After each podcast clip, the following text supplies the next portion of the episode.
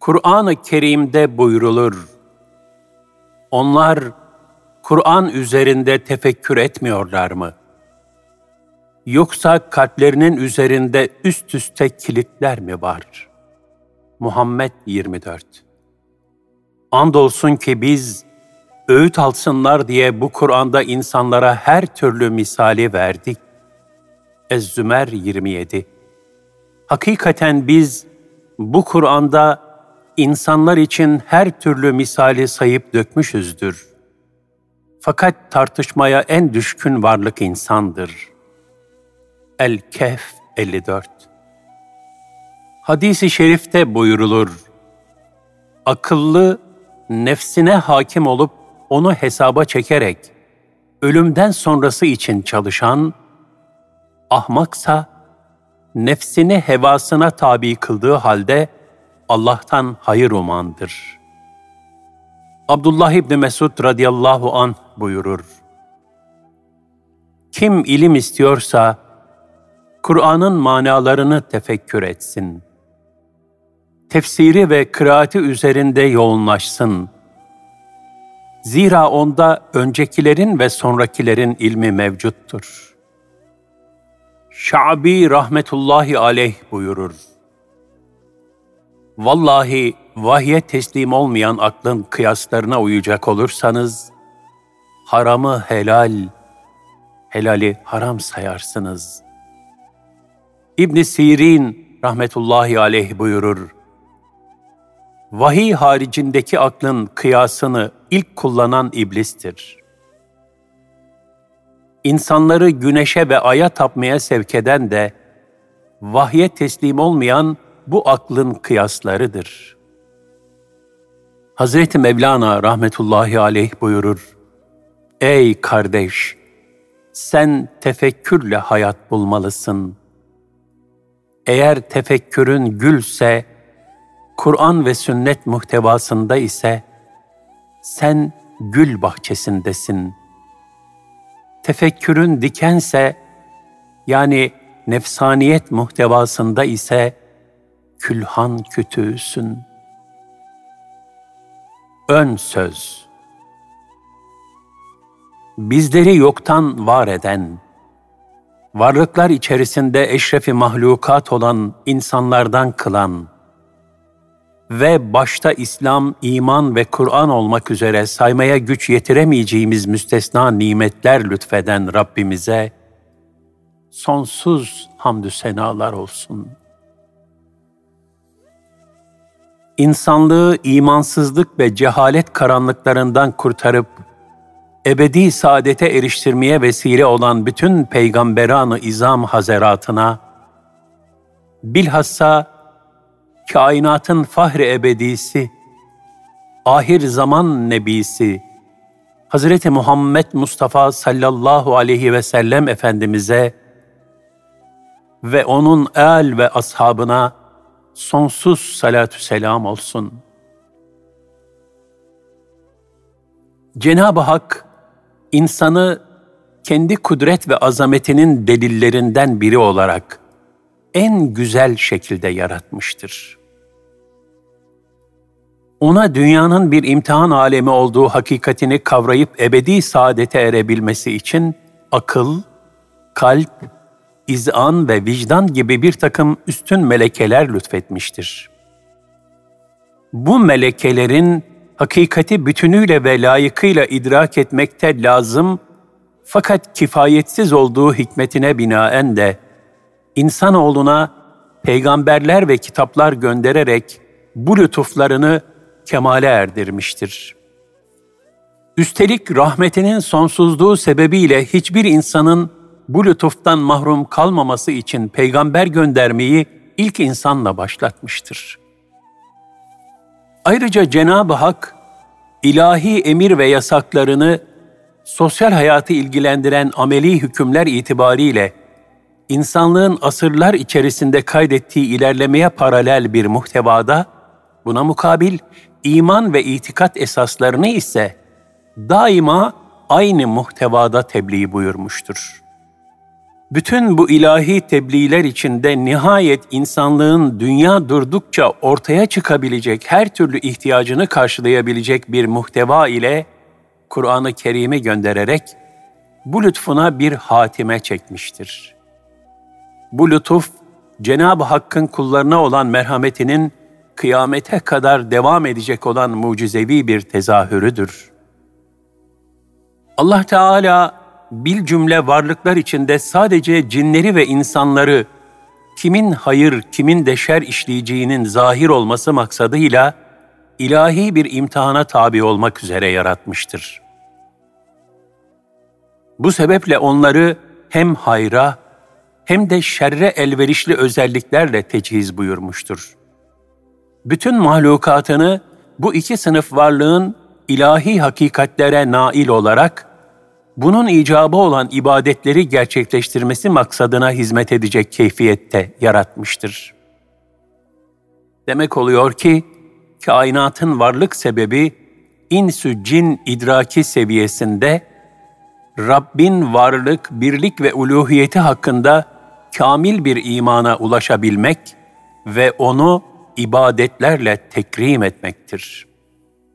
Bu maksadın gerçekleşmesi için de insü cinne ait meziyetlerin peygamberlerin tebligatıyla takviye edilerek kemale ulaştırılmasının şart olduğu bu ilahi yardımla sabittir.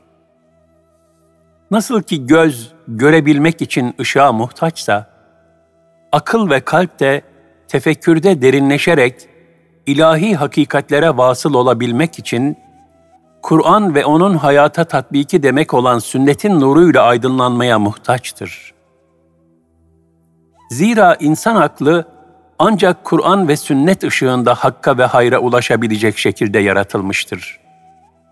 Kur'an ve sünnetin açtığı tefekkür ufku olmasaydı, sırf aklımızla birçok hakikati hem kavrayamaz hem de ifade edemezdik nice feylesofun içine düştüğü karanlık dehlizlerde helak olmaktan kurtulamazdık. Tarih şahittir ki, insanoğluna sadece dünya planında huzur ve saadet vaat eden beşeri felsefeleri vaz edenlerin, ne kendileri ne de takipçileri bu huzura kavuşabilmişlerdir. Çünkü kendisi de nihayet bir insan olan filozofun, bütün mevcudatın hakikatini yaratıcıdan daha iyi bilmesine imkan ve ihtimal yoktur. İlahi teyide mazhar olan peygamberler ve onların izinden yürüyen alim ve arif zatlarsa, beşeriyete her iki cihanda da saadete erebilmenin reçetelerini sunarak, fani hayatlarından sonra gönüllerde yaşamaya devam etmişlerdir.'' Hiçbir devirde ilahi tebligattan ve nebevi terbiyeden mahrum bırakılmayan insanlık, rivayete göre 124 bin küsür peygamberin irşadı ile hayatına devam etmiş ve ahir zamana geldiğinde bu zamanın ihtiyaçlarına en güzel şekilde cevap veren son din İslam'la müşerref olmuştur. Cenab-ı Hak İslam'ı Peygamber Efendimiz sallallahu aleyhi ve sellemin 23 senelik nübüvvet hayatında peyderpey kemale erdirmiş ve böylece kullarına olan din nimetini tamamlamıştır. Cenab-ı Hak bundan sonra kulları için din olarak sadece İslam'dan razı olduğunu ve ondan başka bir yol seçenlerden bunu asla kabul etmeyeceğini beyan buyurmuştur.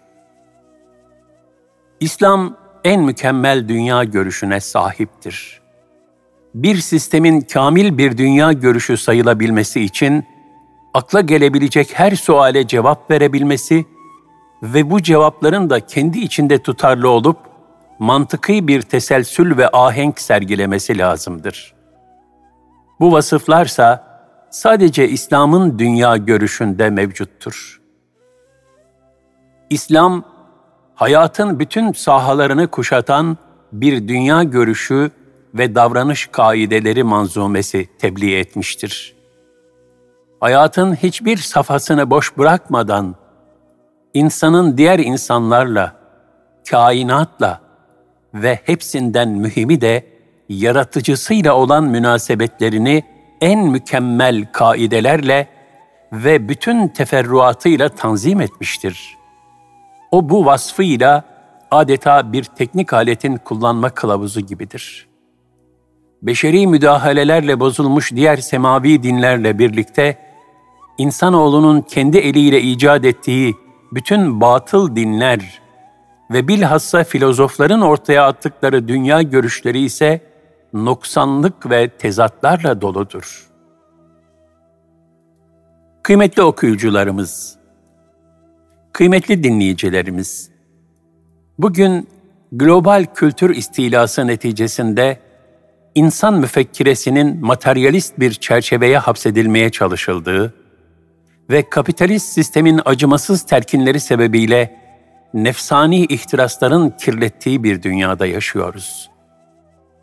Yine günümüzde akıl mahsulü beşeri sistem ve düşünce ekollerinin din ve maneviyatı baskı altına alarak bunları hayatın her safhasından dışlamaya çalıştığını esefle müşahede etmekteyiz.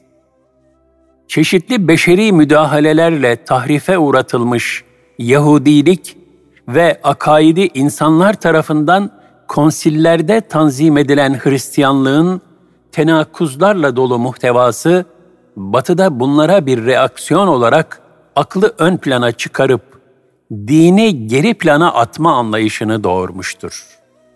Semavi bir dinin beşeri müdahalelerle nasıl tahrif edildiğinin açık bir numunesi olan bu konsillerin başlıcaları şunlardır.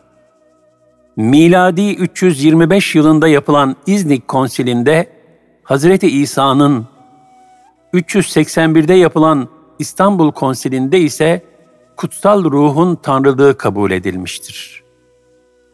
431'de yapılan Efes konsilinde Hazreti Meryem'e Teotokos yani Tanrı doğuran sıfatı verilmiş, Hazreti İsa'nın hem insan hem Tanrı olmak üzere iki tabiatlı diofizit olduğu kabul edilmiştir. 451'de yapılan Kadıköy konsilinde ise Hazreti İsa'da tek tabiatın monofizit yani tanrılık vasfının olduğunu söyleyen Doğu kiliselerinin Mısır Kıptileri, Ermeniler, Süryaniler, Habeşlilerin sapkın olduğu ilan edilmiştir. 787'de yapılan ikinci İznik konsilinde ikonlara tapmanın günah olmadığı kararı verilmiştir. Halbuki daha öncesinde 200 yıl kadar ikonlara tapmanın günah olup olmadığı tartışması yaşanmış, hatta bazen imparator tarafından ikonlar yasaklanmıştır. Ortodoks Hristiyanlar ilk yedi konsili kabul ederken, Katolik Hristiyanlarsa sonuncusu 1965'te yapılmış olan toplam 21 konsil kabul ederler. Katolik Vatikan'ın bu son konsilinde diğer mezhep ve dinler arasında diyalog çağrısı yapılmıştır. Tahrif edilmiş bir dinde aradığı cevapları bulamayan mütefekkir dimaların başka arayışlara yönelmesi gayet tabiidir. Fakat onların çoğu asırlardan beri mutaassıbane bir surette İslam aleyhine şartlandırılmış olduklarından, aradıklarının nerede mevcut olduğunu fark ederek İslam'a yönelme imkanından mahrumdurlar. Bu sebeple asırların taassubunu elinin tersiyle bir tarafa iterek İslam'a atfı nazar edip saadete erenlerin sayısı oldukça azdır.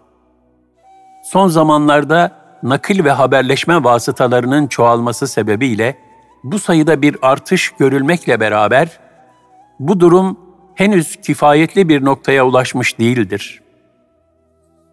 Dolayısıyla felsefenin batıda bu denli revaç bulmuş olmasına şaşırmamak gerekir.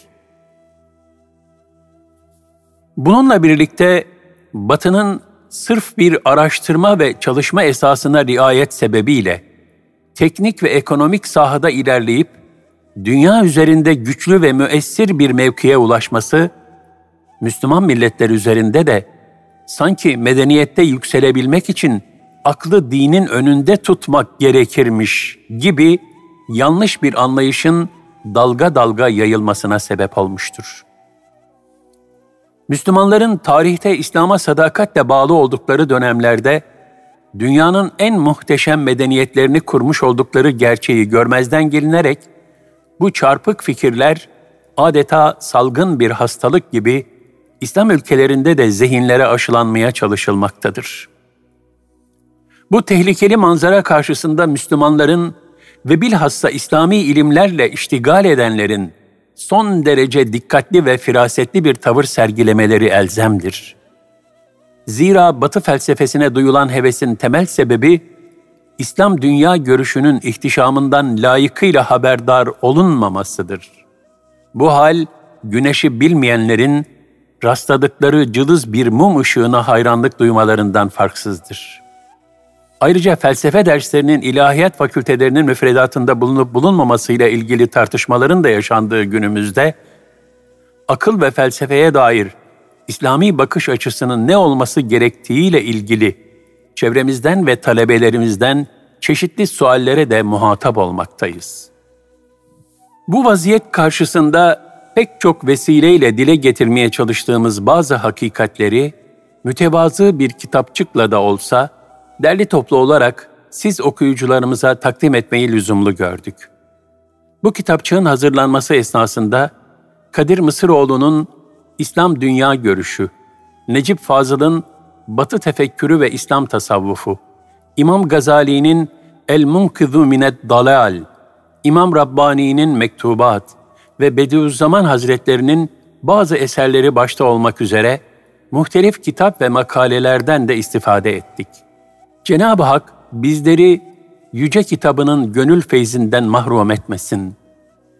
Peygamberlerinin ve onların varisi mevkiinde bulunan alim ve arif zatların nurlu izinden ayırmasın.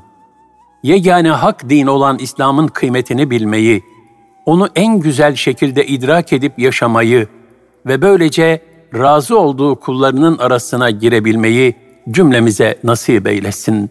Amin. Osman Nuri Topbaş, Aralık 2013, Üsküdar